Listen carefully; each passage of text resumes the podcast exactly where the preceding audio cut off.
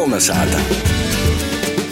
Labs vakars jūsu sātā! Pie mikrofona Ēriks Zepsis skan Latvijas radijas latgaliskais raidījums Kolnesāta. Vasara itogad atgojas neierasti agri. Ja meteoroloģisko vasaru sagaidījām jau vairāk kā pirms divām nedēļām, tad vēl viena parodība, kas liecināja par vasaras attīšanu, ir motociklisti uz Latvijas ceļiem. Noķert vēju, sajust adrenalīnu, otrumu, tas mudina daudzus vasarā mašīnu nomainīt pret motociklu. Pēc divu nedēļu, 9. jūnija, balvos iz pasaukumu motociklu vasaras sazatiks motociklisti un jūs draugi. Šovakar kolonizētā gastos būs ito pasaukuma organizators Balvu motokluba spieķi vējos vadētājs Andis Grāvītis. Tāpat šovakar arī pieteiksim bērnam domoto literatūru latgaliski. Kolnesāta! Šovakar kolonizētā par motocikliem motokustību Latgalā jūņa sākumā balvos gaidamo pasaukumu motociklu vasara. Kā vairāk par to dazinotu, gastos esam aicinājuši balvu motokluba spieķi vējos vadētoju Andi Grāvīti. Labsokars! Labsokars! Varbūt uzreiz arī varat pastāstīt par gaidāmo pasaukumu motociklu vasarā. 9. jūnijas balvos, vai ne? 9. jūnijas balvos. Uzreiz atvainošos par to, ka es nerunāju tik precīzi latviešu, es runāšu latviešu, lai visa tauta mani saprastu, bet pa kādam vārdam arī latviešu es varu arī parunāt. Nu, tā kā 9. jūnijas 14. reizi motoklubs Spieķa vējā rīko motociklu pasākumu ar nosaukumu Motociklu vasarā. Šo nosaukumu mēs esam paņēmuši no Rīgas kinostudijas filmas. Savā laikā bija smuka filmiņa Motociklu vasarā. Un tad mēs tā vairāk to savu pasākumu personalizējām. Visā Latvijā tagad zina, ka, ja nosaukums ir motociklo vasara, tad tas pasākums notiek balvos, kur organizē motoklubs Spieķi vējā. Un kas tajā pasaukumā ir gaidāms? Gaidāms ir tas, ka atbrauks atkal daudz motociklistu no visas Latvijas, arī no Lietuvas, Igaunijas, ir arī bijuši ciemiņi no Krievijas arī pa kādam ārzemniekam iemaldās, kāds norvēģis, īrs ir parādījies mūsu pasākumā. Tas pasākums nu, pulcē visus motociklistus uz jauku kopā pabūšanu, atpūšanos, mūzikas baudīšanu, dažādas atrakcijas, izbaudīt arī balvu pilsētas skaistumu, mūsu ezerus. Gan pašu centru paskatīties, tie, kas cilvēki ikdienā nesanāk braukt uz balviem, ir visas iespējas atbraukt 9. jūnijā un baudīt divu pasākumus, izbaudīt pilsētu, apskatīt skaistumu un arī motociklu pasākumu. Cik daudz motociklistu šogad gaidat, ka pīzdaļās? Gaidīt mēs nekad tā īpaši negaidām, cik piedalīsies, nu, bet tas skaits vienmēr ir bijis motociklu no 400 uz augšu 500, pat vairāk. Viss ir atkarīgs no laika apstākļiem. Ja spīd saule, ir burvīgs laiks, cilvēki negrib mājās sēdēt, visi brauc uz balviem. Vai ito gada pasaukums kaut kādā veidā atšķirs no citu gadu motociklu vasaram? Lai tā īpaši atšķirtos, laikam nebūs, bet nu, savas rozinītes būs, kuras es patreiz vēl neatklāšu. Vienu varu pateikt, kas ir nemainīgi jau piecus gadus, ka mums ir attraktīvs pasākuma vadītājs, tas ir Māris Grigalis, kurš arī domā, ka ar labu laika prognozi atbrauks balvos. Septiņi gadi atpakaļ mums dziedāja Ivo Famins ar grupu, un, un tad viņš atkal pēc septiņi gadi uzstāsies pie mums, parādīs savu jauno repertuāru. Publikai viņš ļoti patīk balvos. Viņa ļoti tautu iemīlējusi. Un uh, vispār, teiksim, tādu motociklistam veltētu pasaukumu, nu, vīnes vasaras ītvaros daudz notiek Latvijā. Mm, jā, visa vasara gandrīz vai katrā sestdienā ir aizņemta ar moto pasākumiem. Cik jau mēs Latvijā te liela esam, un katrā Latvijas novadā nu, noteikti kaut kur notiek kaut kas ar motodzīvi saistīts pasākums. Tā kā spēju uz visām pusēm izbraukt. Bet pie šī vēl gribēju vienu pateikt, ka nekur visā Latvijā, nu tagad jau droši varu teikt arī no motociklistiem, tā ziņa ir nākusi, nav tāds atbalsts e, vietējo iedzīvotāju kā balvos.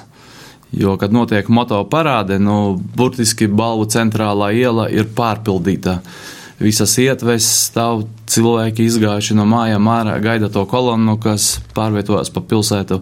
Tas nav nevienā Latvijas pilsētā. Tur es varu teikt lielu paldies balvu iedzīvotājiem un viesiem, kas ir atbraukuši tajā dienā uz pasākumu. Tas e, tiešām vairāk dod tos spēkus katru gadu rīkot pasākumu. Ja tu redzi, ka cilvēki gaida un viņiem tas interesē, patīk, nu, Tas vienkārši neaprakstāma sajūta. Tomēr, nu, tātad, ja jūs sakat, katra sēsdiena svētdiena paiet šādos pasaukumos, vai nav grūts to apvienot ar saviem kasdienas pienākumiem, kasdienas darbiem? Ir, ir ļoti pat reizēm izjūti, skaties mājā, jāpļauj zālē, bet gribās aizbraukt uz pasākumu, nu tad mēģini vai agri no rīta to zāli pļaut, vai kad jau esi atbraucis no moto pasākuma vēlu spēka vairs nav, bet darbs sauc un pienākums ir jāizdara. Ir, ir tā grūtāk. Bet tad, principā, varētu teikt, ka nu, braukšana ar motociklu nu, ir tāds sava veida dzīves stils. Jā, tas ir dzīves stils. Tu kaut ko iegūsti e, savādāk nekā braucot ar automašīnu. Lai gan tas motobraukšanas e, periods ir īs, teiksim, paņemsim vidēji Latvijā kaut kādi seši mēneši, kad mēs varam pabraukt. Pat grūti pateikt vārdos. Pirmais jau sāksim ar to, ka ir tā pati moto draudzība uz ceļiem. Brauc pretī motociklists, viņš tevi sveicina, paceļ kreiso roku. Tu viņu pat nezini, viņš ir ārzemnieks, iebraucis, bet nu, tā sveicināšana notiek. Ot, tas ir tāds ļoti pozitīvs moments, ko laikam autovadītāji nevar tādu izbaudīt. Kaut gan pie tā viena varu teikt, mums ir draugi motoklubs Portugālē, kas jau divreiz ir bijuši pie mums balvos ciemos un aicina mūs uz Portugāli, uz pilsētu beju. Mēs pie viņiem nevaram vēl nekādi nokļūt, jo tas ir liels gabals, labi attālums, tas mūs nebiedētu, e, vairāk tas jau finansiāli. Viņi teica, ka viņiem Portugālē pieņems, kad atkal motociklists paceļ kreiso kāju sveicinās. Un mēs vaicājām, kāpēc. Nu, viņi saka, nu, tas ir drošības ceļā, jo tu nevari roku atlaist vaļā. Varbūt tev tajā brīdī jāmanevrē, nu, tāpēc viņi ceļ kreiso kāju. Nu, mums te Latvijā un viskaur kur arī citās Eiropas valstīs vairāk roku ceļu pasveicinot. Uh, bet vispār es pieļauju, ka nu, finansiāli tas ir dārgs dzīves stils, vai ne? Mm, jā, kad man šo jautājumu vaicāja, es arī saku, makšķerēšana tas arī nav lēts. Tur ir savu veidu āķis, žilkas, motori, laivas, viss ekipējums. Tā kā, nu, es domāju, ka katrs hobijs kaut kādā veidā prasa finansiālus ieguldījumus, bet tas vajadzīgs ir. Kad un kā jums pašam sākās interese par motocikliem? Mana interese par motocikliem ir sākusies jau no mazās bērnības, no trīs gadiem, ko es pats neatceros. Pārskatot ģimenes albumu, melnbaltās bildes, es redzu, ka es stāvu mazās bikšelēs, maiciņā un tēva uz to ātrumu kloķi. Laikam tas bija tas pirmais pirmsākums, bet es to pats neatceros. Reāli sākās viss pusauģa gados, kad tika mopēds, skrūvēts, vecais minskiņš, tad nāca jau bišku lielāk jau pusauģa vecums 17 kaut kur gadi, kur uztevs uzticēja tā saucamo M, ko ar blakus vāģi pabraukt, nu tad jau viss aizgāja. Kā saka, pa sviestu smērēts. Un, principā, nu, kā arī sacījāt, ar motociklu Latvijā, nu, tomēr nevar braukt cauri gadu. Tīri kaut kādi, nu, teiksim, no pavasara līdz rudiņam, cikam ir labs laiks, vai ne? Tā jau tas ir, bet ir jau kas arī brauc cauri gadu. Esmu redzējis arī, ka onkuļi ar izžiņiem braukā ar blakus vāģi. Varbūt cilvēkam tas ir vienīgais pārvietošanas līdzeklis.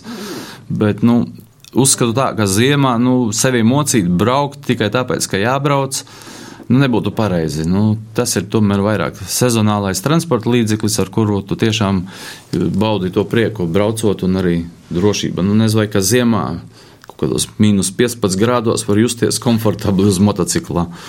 Vienīgais uz sniega motocikla, jā. Bet tad es muļķīgs vaicājums, vai motociklam tad var arī uzlikt zīmes rīpes, nu, ja kāds tīšām izdomāja zīmā braukt? Mm. Ir piemērs mūs, viens no mūsu kluba dibinātājiem, Valdis Kilkucāns.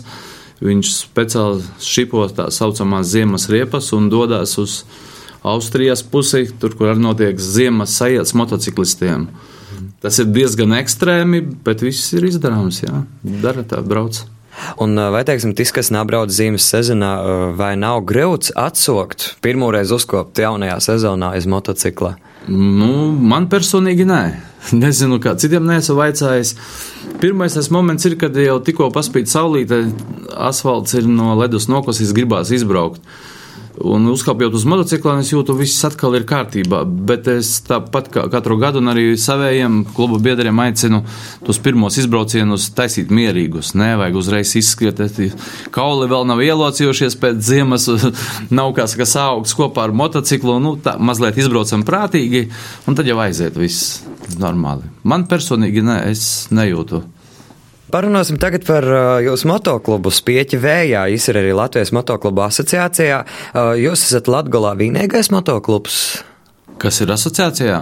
Jā. Nē, no Latgales asociācija arī ir Rēzaknis klubs, Lielceļa klaidoņi, Jēkabpils klubs, Brīvības gari.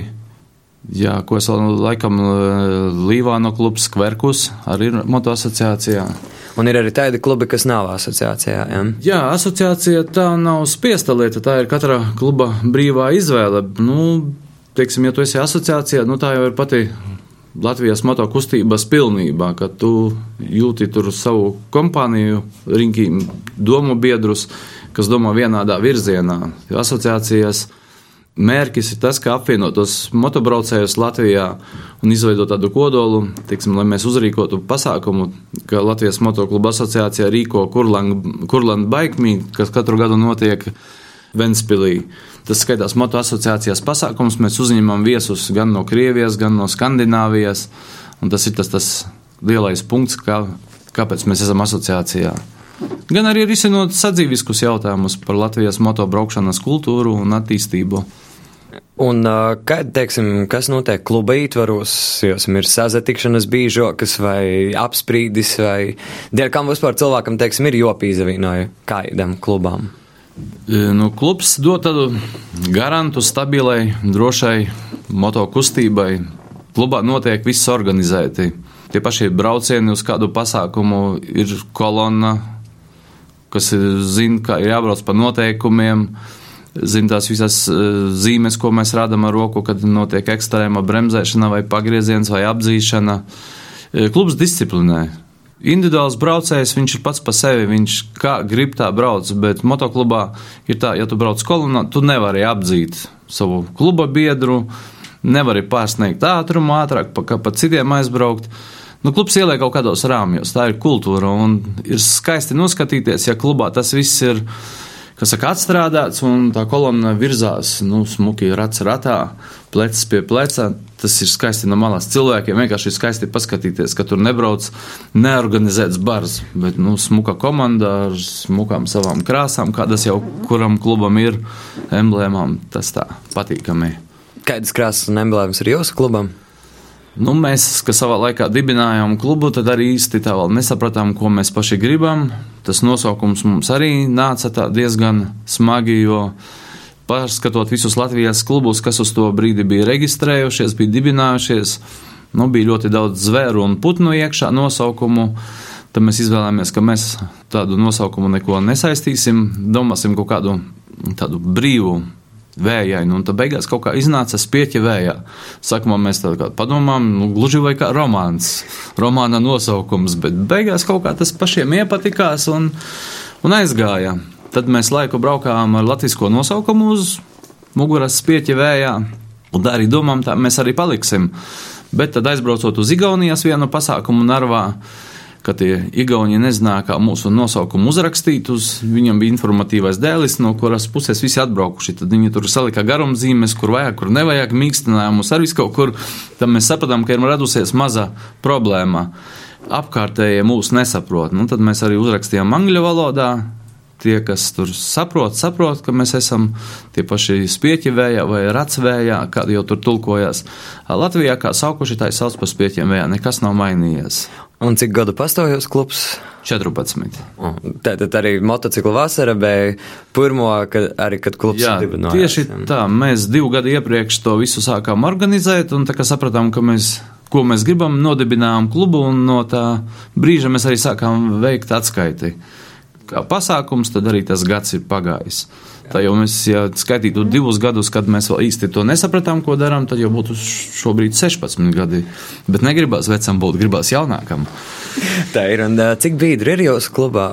Uz šo brīdi mums ir 15 kluba biedri un e, divi kluba biedru kandidāti, kas jau kandidēšanas laiks iet uz beigām.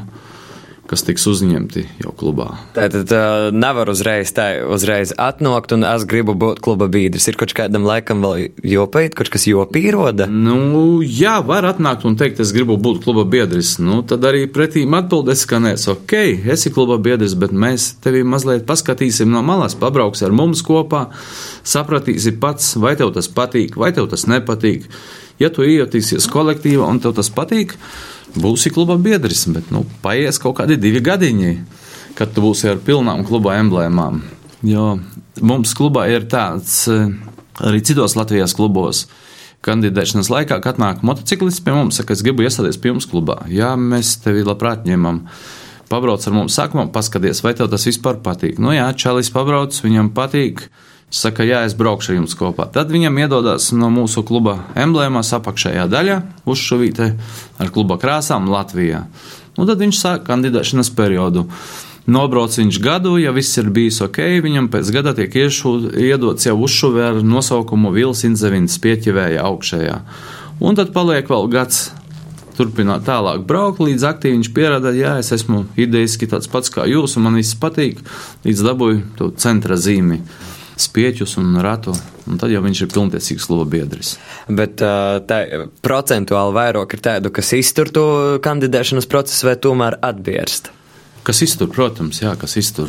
Ir patreiz tā nepateikšu, jā, ir bijuši, kas ir no kluba arī aizgājuši prom kā kluba biedri. Ir kaut kas dzīvē viņu pamainījies, un ja vairs nav vēlmes braukt, tad jau, nu, neviens ar varu netiek spiests. Tas ir katra brīva izvēle. Protams, katrs, kas ir aizgājis prom, ir kaut kādu savu nozīmi kluba dzīvē atstājis. Tāpēc jau tā žēl ir, bet nu, tas ir cilvēka viedoklis. Viņš ir tādu lēmumu pieņēmis un neko tur darīt vairs. Jā. Kolnesāta. Turpinājām sarunu kolonizētā šovakar, saruna par motocikliem Gostos, balvu motoklubas pieķi vējos vedētājs Andis Grāvītis. Vai vispār motociklisti jūtās droši uz Latvijas ceļiem? Nu, šo jautājumu varu teikt, ka nu, laikam ne īpaši droši. Paskatoties, kādā stāvoklī ir mūsu ceļi, nu, droši tu nevari būt. Tev ir jāpadomā ļoti spēcīgi pie tās braukšanas, kas var atgadīties uz ceļa. 28. aprīlī mēs braucām uz motosezonas atklāšanu uz Rīgu. Viens posms braucot no balviem līdz Rīgai, nu, tas, teiksim, paņemot līdz gulbenei, aiz gulbenes. Nu, sajūta man bija tāda, ka es braucu mototrasē. Viss grab, viss grab. Nu, mums motociklistiem ir tāds teiciens, ka e, plombes no zobiem krīt ārā, cik mums slikti ceļi. Nevar būt droši uz mūsu ceļiem. Patreiz nav tā kvalitāte tāda. Un kāda ir autovadētāja attieksme pret motociklistiem? Dažāda. Ir pozitīva, ir negatīva. To jau braucot, var redzēt, ka mēs gribam kaut ko apdzīt, iet mašīnu intensīvā kolonna. Tas, kas ir tāds pozitīvs pret motociklistiem, viņš vienmēr ar mašīnu paņems vairāk pa labi, lai tā vietiņa no apdzenes tev dod iespēju, bet mēs parasti to nedaram jo mēs braucam kolonnā. Nu, nevaram mēs tur motocikli 18 izskriet visi vienai mašīnai garām. Ja brauc tu individuāli viens, jā, tad ļoti blakām, pat neieslēdzot pagrieziena rādītāju, pa to pašu joslu tu vari pabraukt garām. Bet ir arī autovadītāji, kas apzināti vairāk pabrauc pa kreisi, neļauj tev apdzīt, kaut ko mēģina bremzēt. Nu, Dažādi mēs cilvēki esam, bet mēs jau neļaunojamies. Tie, kas mums dod ceļu, pat lai cik būtu grūti atraut roku no gāzes roktura, vienmēr tiek tam šoferītam pacelta roka parādīts paldies nu, ka viņš ir tāds pretīm nākošs. Nu jā, un es pieļauju, ka tu tādu negatīvu attieksmi rada kaut kāda sabiedrība arī esošie stereotipi par motociklistiem. Nu, piemēram, ir dzirdēts, ka motociklisti porkop cīši ceļu satiksmes noteikumus, lai gūtu adrenalīnu. Vēl ir dzirdēts, ka, piemēram, arī kāds sauc par uh, donorim, tātad, nu, tīm, kas dūt kaut ko ceļu satiksmes nagadējumos un tā. Uh, kāds ir jūsu komentārs par tiem stereotipiem? Nu, ir jau, ir jau tā. Es arī pats esmu daudz novērojis teiksim, jau vairāk motoklubos, nu, saku, ir tā disciplīna, ir kaut kāda braukšanas kultūra izstrādāta, ko nu, nepārkāpj individuālie braucēji, kas paši par sevi nu, mēdz kaut ko reizēm, jā, ir ceļš, ka jaunākā gada gājuma cilvēki, mocisti ātrāk pabrauk, haotiski apdzīt. Tas pats no sezonas atklāšanas braucām atpakaļ uz balviem. Braucam mēs arī nu, uz valīdi līdz 100 km/h, pat neko nepārkāpjot, steigties jau nav, kur atklāšana beidzās. līdz Siguldas posmam uz vienvirzienā, kā mēs saucam. Braucu mierīgi, kolonu vedu, tik skaņa un pazūd. Divi baiki aiznesās tā, ka, nu, Tik es redzēju, bija blakā un vairāk viņa nav. Es domāju, nu, kur skriet, nu, kur lekt. Nu, pēc arī viņiem tā braukšanas kultūra arī kādam nepatīk. Tāpēc arī tādas sabiedrības domas, ka tie mocisti ir slikti. Kaut gan nu, pie šī vēl gribu izstāstīt tādu stāstu, ko redzēju internetā. Brauc veči ar močiem, ar Hārlējiem, skaļiem, ar bārdām, ar visām bārkstīm. Piebrauc krustojuma, rūcina, blakām sēž autovadītājs tāds ar brillītēm. Viņš paskatās uz to tēvaini, uzreiz nolien zem sēdekļa, bailēs trīs. Nu jā, viņi iedegās zaļā gaismā, aizbrauc, piestāja pie kaut kādas ēkas, nokāp nost, visi tetovējumiem, iet tajā ēkā iekšā. Tur izrādās bērnu dārzs. Viņi ir bērnu dārzā auklītes. Ņemās viņi ar bērniem, čubinās ar mantiņām, visur bērni skraida apkārt aiz bārdām rausta. Tā kā reizēm arī nevajag pēc tā skatiena vērtēt to motociklistu. Dvēselē viņš ir pavisam kaut kas cits. Tieši tāpēc, ka kādam izņēmumam, kas godās uz Latvijas ceļiem, arī nav vērts spriest par visiem. Nevar par visiem to spriest. Jā. Mm. Cik svarīgs ir motociklista apģērbs? Nu, ķivere, cik saprotu, ir obligāta. Obligāta. Jā, ķivere ir obligāta un apģērbs arī pēc mūsu klimatiskajiem apstākļiem arī ir obligāti vajadzīgs. Ir grūti izbraukt vienā krekliņā un džinsu biksēs, ja pēc laika var būt lietus. Vai arī kaut kas, kas atpūtu nedod Dievs uz ceļa, kaut kāds sanāk bremzēšana ekstrēmā un kritiens. Ja tev ir moto ekipējums, kaut vai tekstila jaka, kaut vai arī tās pašas ādas bikses, nu te pasargās no ādas nobrāzumiem, tu būsi dzīvs un vesels. Tā kā ekipējumam ir liela nozīme. Tā pati lielā maivabole, kas lido un tev, ja tu brauc ar šortiņos un tiek pa kāju, nu sajūta ir tāda, ka tev kāds ar akmeni iemeta. Bet liekas, kas tā ir vabole? Bet uz visiem ātrumiem, kad tu brauc, tas jau ir spēcīgs trieciens. Tā kā ir drošības pēc jālieto gan aizsargsim, kivere pati pa sevi saprotams, nu, gan arī tekstiliekā ar kaut kādiem plecu sargiem, kāju sargiem. Tāpēc jautājums, vai braukšana ar motociklu nav traumatiska? Ir traumatiska. Motociklists ir tā neizsargātā ceļu satiksmes dalībnieku puse, kad ir jāparedz visādi faktori.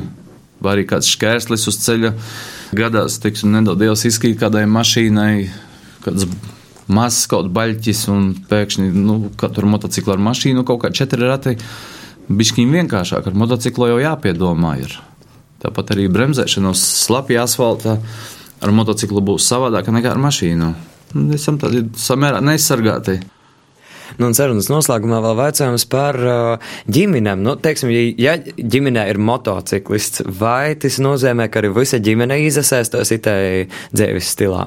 E, ņemot par mūsu klubu, jā, mums tas klubs tiešām ir tāds kā ģimenisks izveidojies, jo mūsu otrām pusītēm e, patīk mūsu dzīvesveids un hobijs. Un arī, ja tur ir večiem, ko runāt savā starpā, tad arī sievietes savā starpā tā sakomunicējušās. Viņam arī ir savas tēmas, sākot no modes tendencēm un puķu audzēšanas.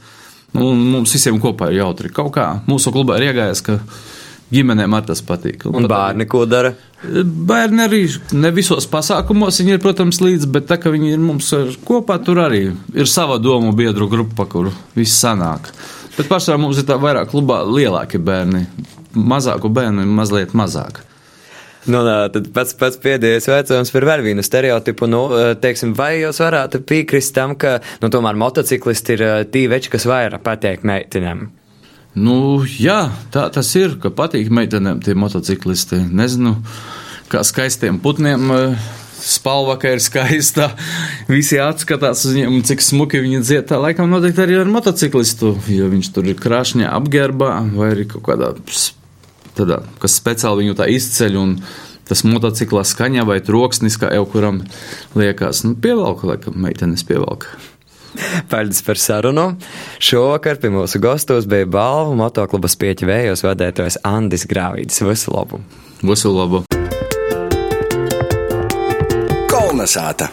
Balvus pasaukums motociklu vasara 5-2 nedēļu 9. jūnija.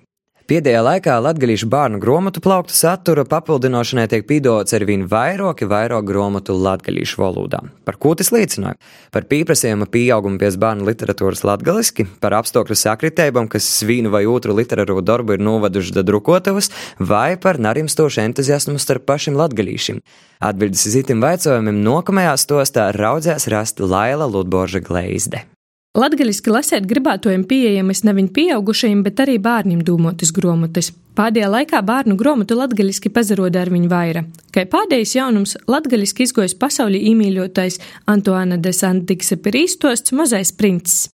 Bērnu grāmatu izdevniecība Liels un Mazs pēdējo treis gadu laikā ir izdevusi divas grāmatas, kas nav sarakstītas latviešu literārajā valodā.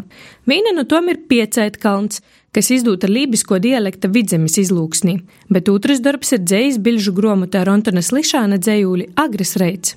Izdevniecības direktore Alīse Nīgale atzīst, ka Slešāna dzējūļi pērk aptuveni tikpat daudz, cik porējos cerējā izdūtos gromotis. Nu, droši vien, ka mēs drīzāk varam runāt nevis par, par teiksim, pircēju eh, iedvesmotu tendenci, bet eh, par mūsu izvēlēm kaut ko darīt. Un eh, brīdī, kad Ines Zandera veidoja šo kolekciju, ir atlasīja dzējojus, ko iekļaut. Viņa bija atlasījusi arī dzējojus latviešu valodā. Un kādā brīdī nu, arī saslēdzās, ka ir mākslinieks, kas labprāt to izvēlējās, jo nu, tas mums likās tā forši iekļaut, iekļaut zejo latviešu valodā, Wikibuka sērijā, bet teikt, ka tāpēc šī grāmata būtu kaut kā vairāk pieprasīta, kaut kā es īsti nevarētu. Viņi pērk apmēram tāpat kā visas. Uh, Wikibuka sērijas grāmatas, varbūt šī nav tāda, ko pērk tik daudz individuāli. Pārni Latvijas mēdīja latgaliski izdeva Kārļa Skalbis porsaku kačēša patmaļis, te izgoja vienlaikus ar gromotas versiju latviešu literārajā valodā. Izdevnīcības redaktore Renāta Neimane saka, ka pīnamūt lēmumu paralēli izdot gromotu latgalīšu valodā daudz lielāka nozīme par pīprasījumu bija apstākļu sakritēbai, i gromotas mākslinieces Ievas Jurijānes spējai porlīcinot izdevnīcību par gromotas napīcīšamību latgaliski. Ja man jāatbild būtu ar vienu teikumu, es, protams, teiktu, ka tā bija māksliniece Ieva Jurijāne. Juliāne un viņas dedzība eh, par latgali un aizrautību. Ieva kādu dienu teica, kā būtu, ja mēs izdot arī latgaliešu valodā. Sākumā, nu, jāatzīst, ka jā, sākumā bija tāda neliela, nu, tādas bažas un skepse, nu, kā tas ir latgaliešu valodā bet Dievu mūs spēja pārliecināt, aizraut ar šo savu ideju. Kačieša patmelis ir izdevniecības pirmo gromota latgaliski. Renāte Neimane cer, ka ne pēdējo. Latvijas mēdī ir atvērti sadarbībai gromotu izdošanā latgaliski.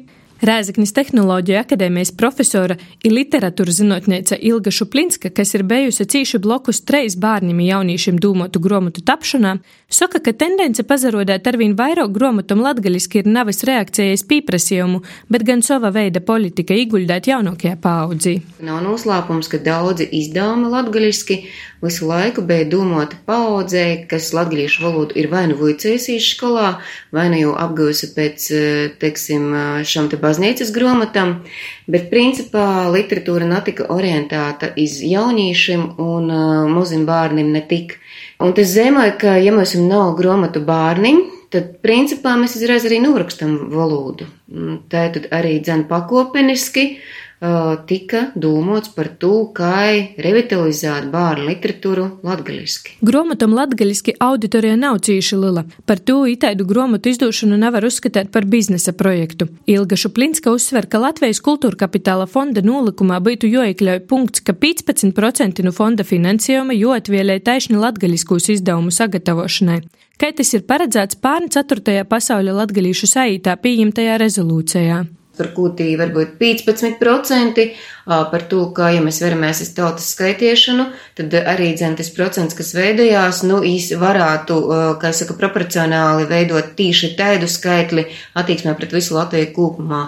Internetveikala taisēts Latgalā porstos Artis Logins, kas tostarp latgalīšu gromotus pordod arī dažādos tirdziņos, apliecināja, ka gan latgalīšu gromotu izdošana, gan tirdzniecība ir vairāk saistīta ar entuziasmu, nevis lielu pieprasījumu. Par spēti tam, ka katrā tirdziņā atceru un pa kaidam jaunam latgalīšu publicistikas interesantam, pieprasījums paliek tāds pats kā beigas. Vislabāk kotējās gromotas, kur ir mozok teksta, līdz ar to man rodīs, ka tos ir tādas krosējumas grāmatas daļa bērniem, jo tādā veidā mēs gan sasīnam jau radošu izpausmi, gan arī īdūdam priekšstatu par mūsu latgalīšu valodu izraisa.